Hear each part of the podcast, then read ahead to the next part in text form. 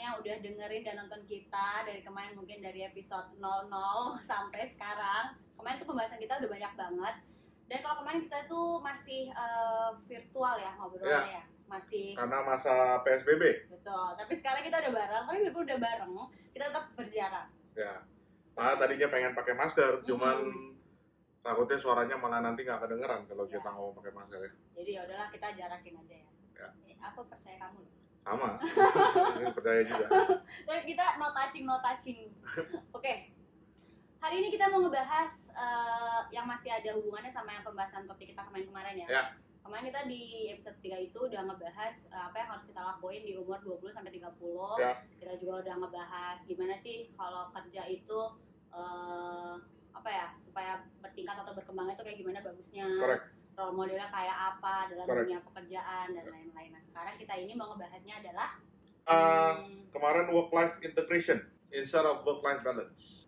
Ya, jadi mungkin kalau teman-teman yang kemarin dengerin obrolan kita itu kan pasti mikirnya kan wah gila masa hidup gue cuma kerja doang gitu kan. Iya, Dan bener. apa nih gue jadi corporate slave atau gue jadi budak duit kita kasarnya atau apa gitu kan or uh, tapi tapi ada juga yang kayak dia udah masuk kerja dan kayak ngerasa oh kalau gue kerja pasti kayak teman-teman bakal nempel cewek bakal nempel atau cowok bakal nempel Iya. keluarga bakal happy. Nah itu tuh gimana? Banyak lah banyak yang pasti mikirnya kayak gitu juga. Hmm. juga kadang-kadang uh, orang juga banyak yang mungkin uh, setelah dia kerja lama gitu kan dan terus-terusan misalnya sampai tiap hari lembur Ya. sabtu minggu kena hajar terus gitu kan akhirnya dia juga jadi burnout gitu. Nah mungkin itu yang kita bakalan bahas lah hari ini. Mungkin sedikit banyak lah ya cerita-cerita sedikit lah gitu jadi burnout itu tadi yang aku tanyain ya sebelumnya ya. Ya. burnout itu maksudnya mungkin ada yang belum tahu jadi tadi kalau burnout itu kayak kita ngerasa kayak hidup kita tuh kerja doang gitu. Correct. jadi uh, misalnya sosial gitu. mungkin misalnya orang-orang kan biasanya seminggu itu mungkin clockin 40 jam Hmm. gitu ya. Normal lah kerja lah sehari 8 jam gitu. Mungkin dia bisa clockin 100, 100 jam selama berminggu-minggu. Luar biasa. Itu kayaknya Itu. hidupnya didedikasikan untuk kerja ya. Ya uh, bindar dan dat juga sih. Oh pernah di sana. Pernah di masa itu ya, ya. ya. Ya so ya. Ya mungkin hari ini kita ngobrolnya gituan. Uh, itu kali ya topik yang begitu yang cukup ada korelasinya sama teman-teman yang mungkin kemarin sudah terinspirasi ya. Uh, oh, semoga uh, dengan obrolan kita. Nah, gimana langsung aja nih menurut Ya. kamu nih gimana caranya supaya kita itu eh, bisa tadi ya balance ya antara kalau kita emang Ya. pengen kerjaannya bagus tapi eh, pengen juga nih mungkin masih nongkrong-nongkrong Ya. atau masih eh, ada waktu untuk keluarga pastinya, teman-teman juga, pacar Ya. juga kayak gitu, gitu orang-orang tersayang kita. Benar. Jadi uh, banyak orang yang selalu bilang bahwa pentingnya adanya work life balance Mhm. gitu ya. Uh, tapi kalau saya ditanya untuk membalance work and life itu sangat susah. Tapi sekarang udah balance. Uh, saya tidak pernah mencoba untuk membalance-nya. Saya Apa? mencoba untuk mengintegrasikannya. Oke. So I try to integrate my Oh, life with my work. Yes. Jadi bayangin kalau balance itu kan uh, harus seimbang. Heeh. Jadi bayangin kalau kamu sekarang punya satu timbangan Oke. Ah, di sini misalnya kamu pakai timbangan yang kayak di pasar taruh gitu kan ya gitu. ya 500 gram Mhm. di sini eh, timbang gula harus 500 gram Oh ya kan biar balance. ya baru balance Ah. Nah, kalau di sini kamu jadi 490 pasti nggak balance Mhm. so now imagine eh, timbangan tadi sekarang yang ini adalah your life yang ini adalah your work Hmm. nah you try to balance it Nah, begitu you try to balance it's so hard to balance coba aja eh, bikin sampai balance sampai bisa benar-benar ini itu Iya susah that's very hard Berarti harus ada yang dikorbanin dong. Ah, makanya saya bilang, um, I personally do not believe on the principle of uh, work-life balance. Hmm. Kenapa? Because you cannot balance it. Jadi When you try to balance it, akhirnya you jatuh. Jadi akhirnya persis yang tadi Panda bilang gitu bahwa uh, pada saat orang mencoba membalance se, se, se, se, se- semaksimal mungkin dan dia tidak bisa membalance, akhirnya dia tergelincir dan jatuh. Ya dalam artian ada yang pasti dikorbankan, Ya. entah itu kerjanya atau uh, hidupnya, gitu kan. Itu salah satu. Jadi what I believe in is more on the integration. Jadi integration itu apa? Contoh misalnya kamu bayangkan ada satu gelas kosong. Uh, when you it up uh, sama kamu punya uh, batu misalnya, batu kerikil, kamu mesti masih lihat rongga-rongga di situ. Ya. Nah bayangkan um, uh, gelas ini adalah kamu, Mhm. batu itu adalah kerjaan kamu, Oke. rongganya itu adalah hidup kamu. Aduh, berarti kecil-kecil banget Nah, dong itu. misalnya kan ya, ya tergantung batunya sebesar apa. Iya. Kalau batunya gede-gede kan juga rongganya besar. Ya. Tapi ya bayangkan seperti itu dan Hmm. Bayangkan sekarang bahwa kehidupan kamu itu kayak pasir. Jadi pasir itu kita masukkan ke dalam uh, uh, gelas yang tadi sudah berisi batu itu. Nah, jadi pada saat itu terjadi, uh, kamu akan melihat satu gelas yang penuh, padat, ada batunya, ada pasirnya, mau misahin pun susah. Kenapa? Karena it's already integrated. Nah, itu itu itu secara ya secara definisi itu saya yang melihat seperti itu. Jadi mungkin banyak orang yang bilang, oke sekarang saya bisa bayangin apa yang tadi kita ngobrolin ya dengan analogi uh, timbangan tadi gula pasir dan juga dengan analogi kelas tadi ya. Tapi Tapi, realitanya sebenarnya Nah. what does that mean? aduh itu realitanya susah loh. Ya, what does that mean kan? Hmm. Mungkin saya kasih contoh misalnya gini. Uh, misalnya kita punya pacar, Ah, terus kita bilang kalau work life balance tuh begini. Dadakan misalnya weekend ini bosnya bilang sama kita, dia bilang, John, uh, minggu ini kita visit ya ke Balikpapan. Oke. Uh, ada acara dengan pemerintahan gini-gini, misalnya kita harus ada seminar. Nah, Nah, yuk berangkat dong, Nah. berangkat. Ngomong dong sama pacar kan, yang sorry ya, minggu ini nggak bisa ketemu. Wah, padahal minggu itu udah Misalnya mau, udah planning, Waduh, mau udah ini, mau itu dinner, lah. dinner, dinner. ya whatever lah, misalnya udah ada planning. Sebagai pacar yang pengertian pasti dia bilang, it's okay, work come first, you chase your career, go, Iyalah. follow your Yang purpose. benar yang begitu. Apa? Sekali. Sekali. Oke. Coba kalau bisa itu 8 kali berturut-turut selama 8 minggu. Bete dong. Itu udah runcing lah. Kalau udah sampai 8 kali pasti runcing. Kenapa? Berarti ya boleh dibilang dua bulan nggak pernah ketemu, hari kerja udah sibuk, uh, udah setengah mati nggak pernah ketemu, uh, WA pun juga misalnya jarang hari kerja karena memang benar-benar nggak sempet. Mhm. Begitu ketemu weekend that is looking forward, nggak ketemu. Dua bulan. Yang lebih parah lagi misalnya selama dalam waktu dua bulan itu mungkin misalnya ada ketemu pas dia ulang tahun lagi. Atau Aduh. gimana lah. Atau apalah. Ada something yang important. Mhm. nah itu kusut. Itu itu mencoba membalance tuh. Kalau Tapi saya bilang. ternyata kayaknya belum bisa gitu. nggak bisa. Nah sekarang saya balikin misalnya. Mungkin misalnya the positioning is different right? Kayak dulu mungkin uh, kayak saya misalnya over the weekend mendadak misalnya harus interview orang atau harus uh, ketemu sama orang di mall meeting atau waktu itu zaman kerja sebelum di sekarang hari kalau waktu kita baru launching kita harus patroli itu di mall seharian Atau kita lagi event. Ganti event gitu kan seharian Sibuk lah. datang dari jam setengah sembilan siapin semua beres Mhm. mau tutup jam 10 kita baru kelar jam setengah sebelas habis nyopotin segala macam Aduh. so basically Ya. Saturday Sunday gone rather than you tell your partner uh, either your wife your girlfriend your boyfriend your husband uh, uh, ya udah saya di sini kamu di mana gitu you might as well bilang aja belak belakan kan look I will be there for like 12 hours. Uh, you are welcome to join me.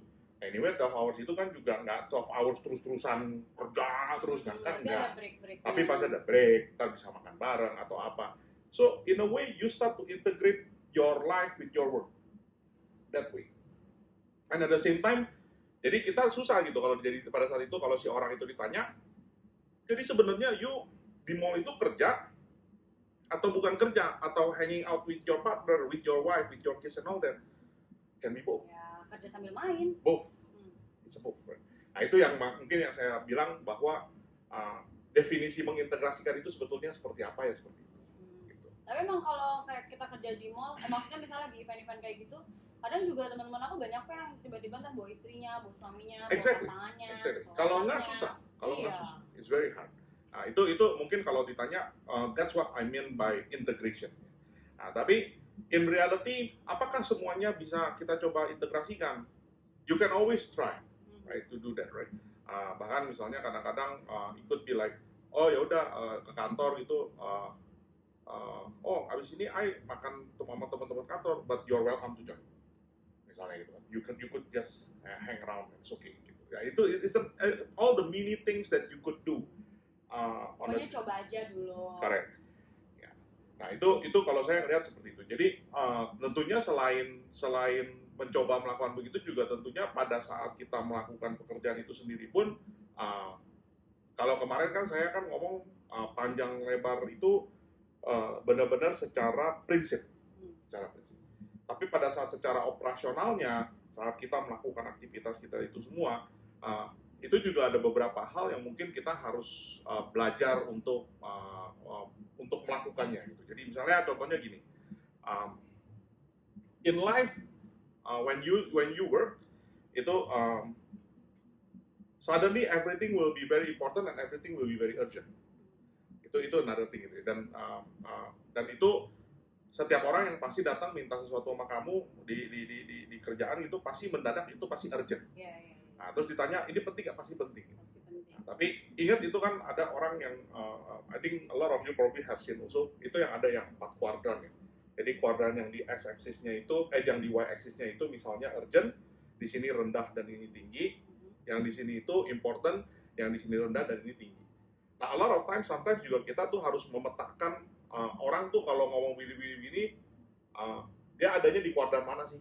Apakah dia misalnya important high, urgent high? Ya, itu harus kerjain langsung. Tapi kalau misalnya itu nggak important tapi urgent, mungkin kamu bisa parking juga. Berarti kita- yang memetakan sendiri tadi konsepnya. Correct. So that's actually part of the prioritization in yourself. Mhm. Ya, jadi pada saat kamu misalnya melakukan, I mean, look, somebody like me now, I probably have 100 projects running at the same time in the company, right? Itu penting semua tuh. Nah, tapi balik lagi kan, uh, apakah saya punya visibility terhadap semua 100 project itu? In a way, yes. Nah, tapi apakah saya akan nge-push semua 100 project itu secepatnya? No. Kenapa? At the end of the day kan orang punya limit, uh, punya budget, punya resource yang terbatas. Hmm. Jadi ada yang namanya harus ada satu proses prioritization. Harus belajar untuk memprioritaskan sesuatu. Nah, jadi salah satu cara memprioritaskan sesuatu itu menurut saya yang tadi saya bilang, uh, you need to plot uh, apa yang di ada sekarang itu ke dalam kuadran tadi. Nah, pada saat kamu sudah memplot kuadran tadi, masukin semua yang uh, di dalam kehidupan kamu berjalan, that could be work related, could be life related. Ya. Then you start to question yourself. Kalau misalnya ada orang yang misalnya ternyata hal yang nggak important tapi dibikin urgent sama dia, atau menurut kamu itu nggak important dan nggak urgent, you need to learn to say no. That's very important.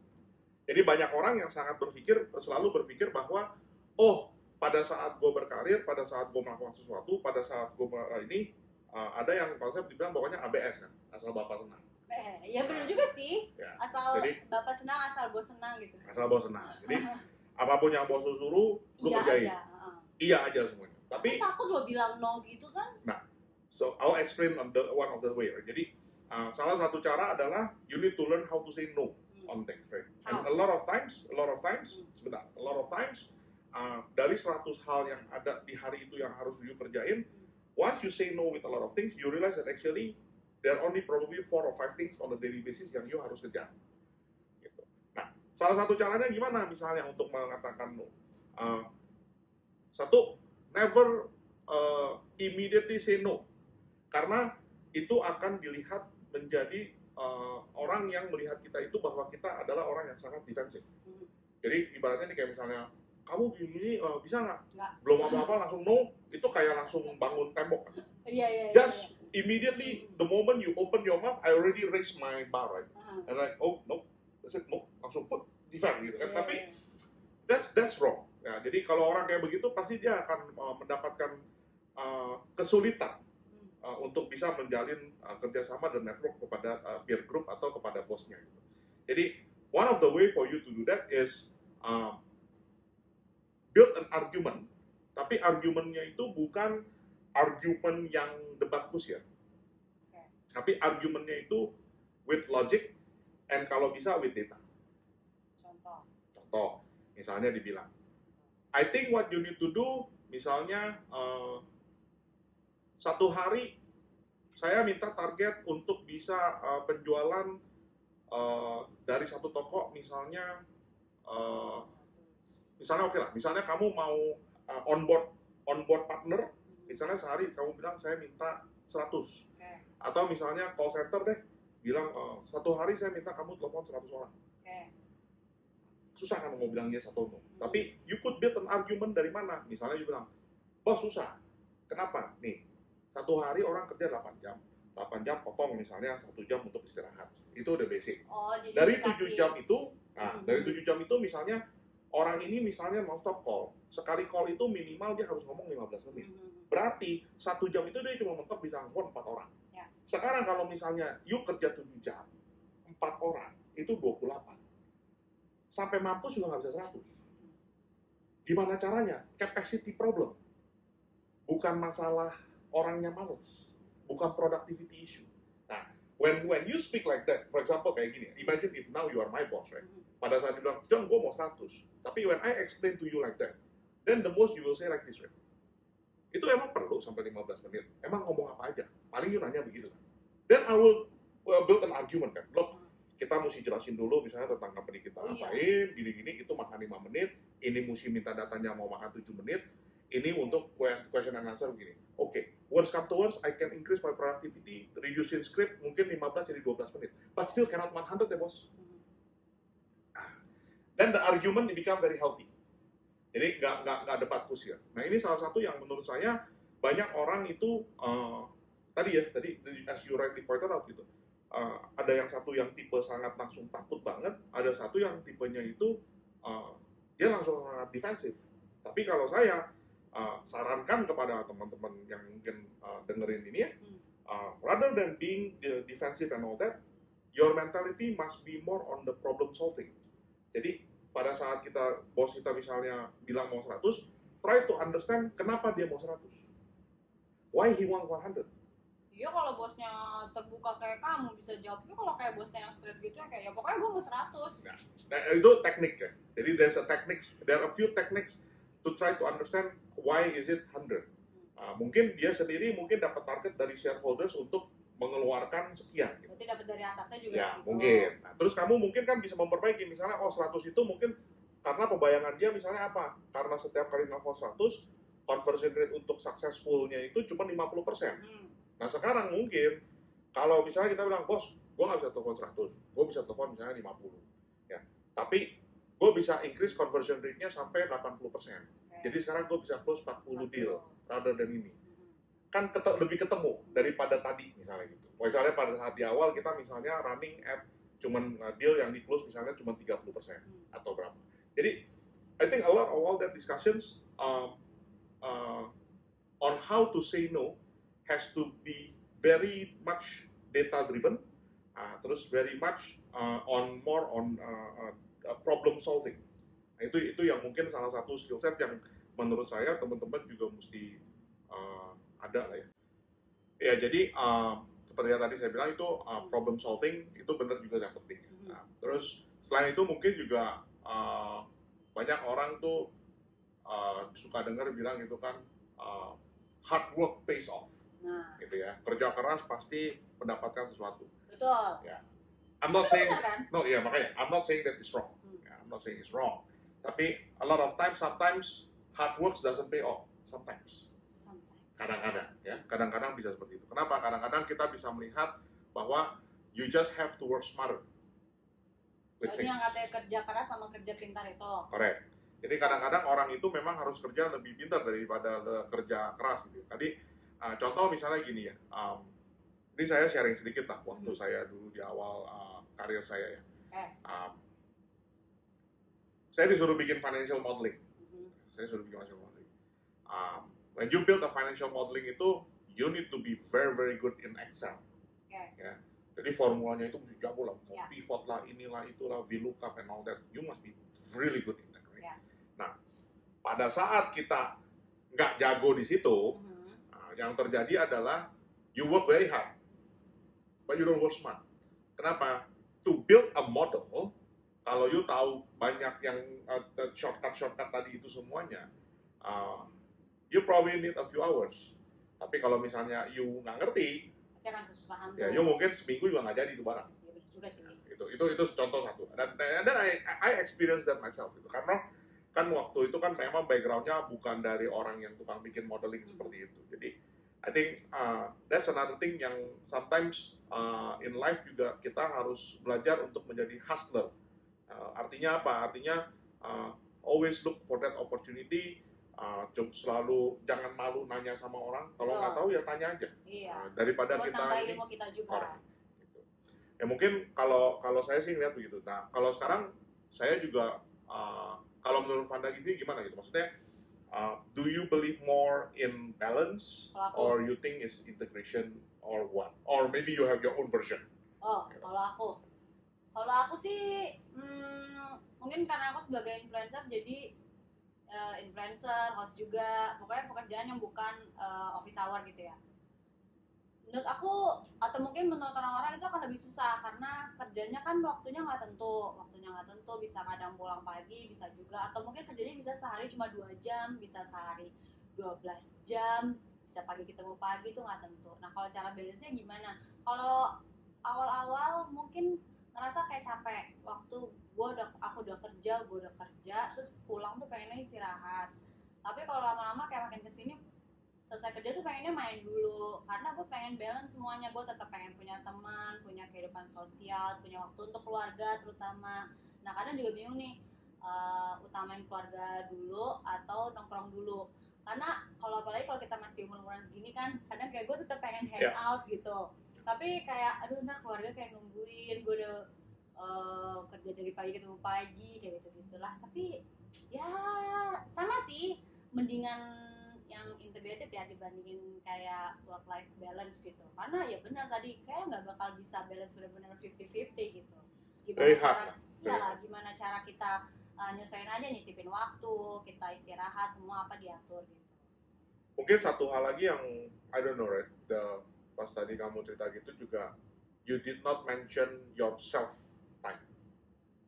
kita Yes. tidur Well, tidur is uh, that's a biological needs. ya.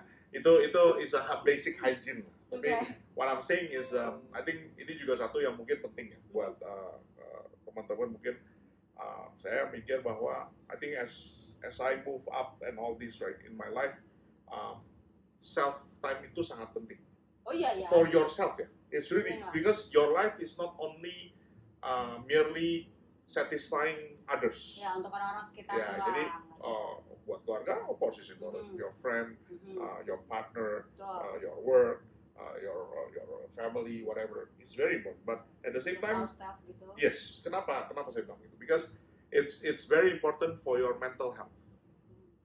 Nah, jangan pikir dibilang mental health itu, oh berarti lu kalau nggak punya waktu buat diri sendiri lu orang sakit jiwa dong. No, it's not. mental illness oh enggak It's juga bukan It's not. It's not. Ya, jadi um, I think saya pengen uh,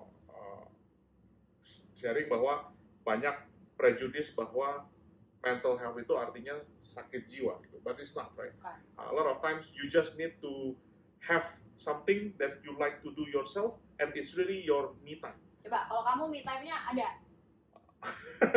ada dong. Eh, nggak bisa jawab Ada ada ada ada, Ada dong, ada dong. ada me time kamu ngapain Jadi kalau dulu uh, a lot of times my me time is actually going to the gym. and that's when I really really uh, enjoy my life, uh, myself, my my time, terus bener-bener punya set target on myself uh, dan bener-bener uh, uh, releasing all my stress at that time. Jadi maybe you think uh, agak lucu gitu ya, tapi misal kayak gini ya, it's like for example uh, di kantor pas lagi banyak urusan dan sibuk segala macam gitu sampai penat sampai sakit misalnya di sini Hmm. gitu berasa kayaknya kan tegang gitu ya uh, when you go to the gym, uh, itu langsung lupa gitu dan benar-benar cuma bilang, oke my target today I just want to lift 200 kilo, uh, kilogram of deadlift misalnya. Ya udah, Ya, benar-benar fokus dan karena I mean to lift that 200 kilo of deadlift you need to focus.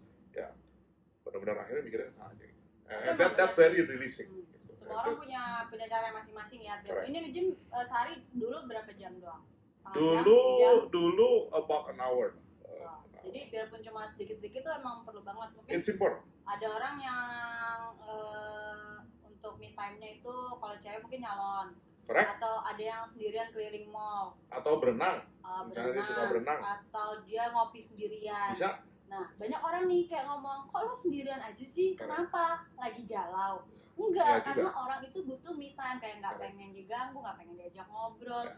nggak pengen ya pokoknya benar-benar sendiri Dan- biarpun itu cuma kayak 30 menit atau sejam ya Correct. Dan pentingnya itu kalau saya mau sharing juga adalah when you do your me time, stay away from your gadget. nah karena biarpun kita sendiri tapi kalau kita ngeliatin gadget ya kerjaan lagi ya kan Ya, atau you jadi banyak pemikiran yang lain Benar. kan, jadi akhirnya malah ngegibah. Nah, bisa juga. bisa juga Benar, gitu kan, ngelihat Instagram orang eh terus langsung bikin WA grup baru ngomongin Iya. si A, ngomongin si B. ya That's it, ya. It could be your me time. But it's our time, whatever you call it. right? Gitu sih. Jadi mungkin um, ya kalau saya sih ngeliatnya begitu sih. Uh, it's it's it's important karena uh, your me time others than only uh, misalnya uh, untuk releasing all the stress and all that gitu ya. At the same time is also for your self improvement, Hmm. uh, which related to topik yang minggu lalu kita omongin. Nah, jadi uh, that could also build a good habit. Jadi misalnya mungkin rather than begitu bangun uh, langsung pegang handphone uh, terus langsung ngerjain yang macam-macam atau ngeliatin Instagram orang atau apa gitu, uh, it could be when you wake up, for example, uh, you plan on what you want to do for the day, uh, you you exercise, uh, you you have your quiet, your self time, and think of oh hari ini uh, there are hundred things that I want to do, tapi what do I want to focus and what do I want to achieve for the day? And and kadang-kadang itu penting karena uh, don't don't try to, I mean you have to have a big goal, tapi on a daily basis you need to have that goal untuk mencapai ke sana. Gitu sih. Oke, jadi itu tadi semua ya. Nah, tadi kan eh, Joni sempat bahas di depan itu kita akan ngebahas soal eh, gimana supaya nggak burn out ya. Ya. Apa itu burn out? Kalau yang mungkin dari di skip skip videonya atau sampai sini. Jadi burn out itu gimana supaya kita tuh nggak kayak hidup itu kerja doang gitu ya. Hmm. Gimana tipsnya? Ya jadi balik lagi ya sebenarnya itu semua kan kalau saya ngelihat uh, kalau orang-orang yang mungkin work alcoholic ya orang yang memang suka kerja itu Doyan kerja. uh, senang kerja Kayaknya kalau nggak kerja tuh demam gitu. dan iya dan dia merasa kerja itu is his satisfaction in life Kamu termasuk itu nggak? Uh, sometimes Ah. Bagus bagus. ya itu you need to remember two things Hmm. jadi satu Oke. um, kerjaan itu kayak black hole Hmm. Black hole itu lubang hitam ya Hmm. Jadi when I say black hole means whatever you throw in itu pasti akan disak sakit. Ya. Hilang. Bisa. Artinya apa? You throw in 40 hours hilang. You throw, throw in 100 hours hilang juga. You throw in 200 hours per week hilang juga. Itu itu satu yang you mesti ingat. ya. Uh, black hole. So that's the first concept. The second concept adalah uh, working is not a sprint, it's a marathon. Jadi kerja itu bukan sprint. Kadang-kadang you need to pay, increase your pace and run faster. Tapi if you run a sprint, sprint itu kan biasanya kan cuma 100 meter, Nah, Pendek. pendek, 100 Tapi meter, cepet-cepet. cepat. Hmm. You coba run sprint for uh, uh, marathon distance 42 kilo, Wow. mati Apa pasti. Mati di tengah. Udah pasti mati di tengah. Iya benar. Pasti. Burnout. Yang Hmm. namanya bahasanya itu burnout. Hmm. Jadi, so remember those two concept, right? Satu, black hole. Dua, marathon. Hmm. Artinya apa? Artinya you need to learn how to pace yourself. Jadi, sometimes you just have to learn to say no. It's enough. You just have to say that. Sometimes, paling gampang kayak kemarin ya. Uh, I mean, this is exactly what happened last night, right? Hmm. Uh, jadi semalam itu saya lagi mencoba setelah call for a whole day sampai malam, about 6-7 p.m. Terus saya mencoba untuk menulis buku. And I really, really stuck. Itu karena apa? Karena udah capek kerja, Pak. Betul. Dari pagi. Burnout. Ya. burnout, right? Burnout. Exactly the word is burnout. right? And you you know what I did? Bener-bener I just stand up, jalan, lihat-lihat gitu kan, terus ngambil es krim, Hmm. terus Menyenangkan main, diri sendiri lah. ya main sama anjing ya, Hmm. Ah, terus bicara-bicara sama anjing. Then then I sit down again and I try to make again and all that because I know that I just have to complete it. I have a target that night, right? Saya harus complete se segini. Hmm. Yeah, in the end I finish it, like about 11:30 or something. But I feel that satisfaction, tapi I just said that's it. Uh, uh, target saya memang tadinya mau nambah sekitar 15 halaman, but in the end I only completed like about seven. Then I said, that's it, it's enough. I don't know what else I want to write. I shut down. But after I shut down, then I get another inspiration. I said, oh maybe I should write an article. Jadi akhirnya saya nulis lagi artikel semalam. Hmm. Uh, Iya, very short article, like one two minutes article, right? Yang dilingin. Yeah, I'm really So that's another like maybe half an hour I would say. Eh, tapi itu sih Berarti gitu. perlu istirahat dulu bentar. Yeah, you, you just have to you just need to know how to pamper yourself uh, and then uh, ini lah. Biar nge-charge diri And you play you play that pace of the marathon and the black hole thing. right? Tapi bagus tuh tadi ya, ada yang satu black hole, yang satu maraton gitu ya. Oke. Lupa. Conclude, Oh ya, conclude, komen, baru topik oke, berikutnya. lanjut, lanjut, lanjut conclude. Oke, berarti kesimpulannya topik ini, eh topik hari ini tuh apa aja tadi ya? Dari yang awal sampai terakhir ini. Jadi mungkin kalau saya bisa kasih share some pointers lah ya buat teman-teman yang uh, nonton atau dengerin hari ini. ya. Ya. Um, kalau dari saya, saya nggak percaya sama balance, work life balance. Saya percaya sama uh, Integrated. integrate uh, integration ya. Itu satu. Nah, yang kedua, um, I think a lot of times in your life or in your work, you need to learn to prioritize and say no. Mhm.